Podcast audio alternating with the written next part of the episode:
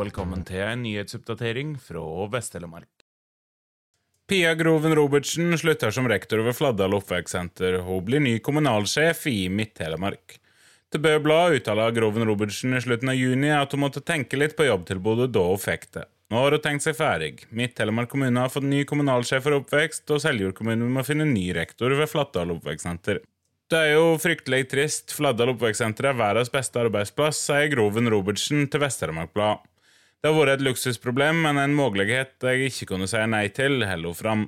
Hun er stolt og glad over å få jobben som leder av oppvekstsektoren i Midt-Telemark. Før hun begynner i den nye jobben for å ta farvel med kollegaer og elever i Fladdal. Groven Robertsen slutter 1. oktober, en måned før den nye skolen etter planen skal stå klar. Utrykningspolitiet hadde trafikkontroll på E134 i Haukeli på onsdag. I løpet av ettermiddagen var det 41 bilister som fikk en litt dyrere biltur enn planlagt. Fartsgrensa i området er 80, og høyeste fart ble målt til 115 km i timen, skriver Vest-Telemark Blad. Brannvesenet måtte rykke ut en bastoverbrann i Vråljosvegen i Kviteseid kommune sent tirsdag kveld. Det var ingen i badstova da det begynte å brenne. Årsaken til brannen er ikke kjent, melder politiet som oppretter sak.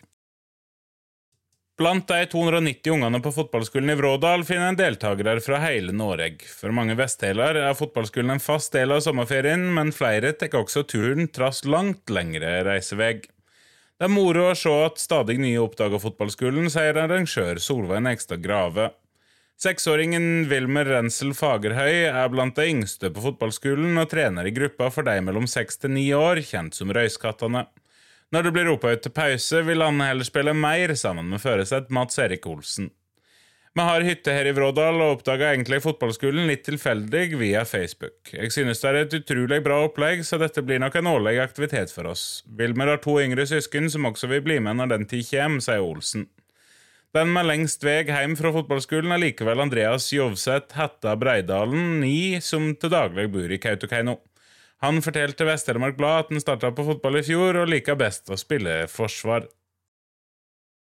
Tusen takk for at du hørte på. Navnet mitt er Aslak Ringhus.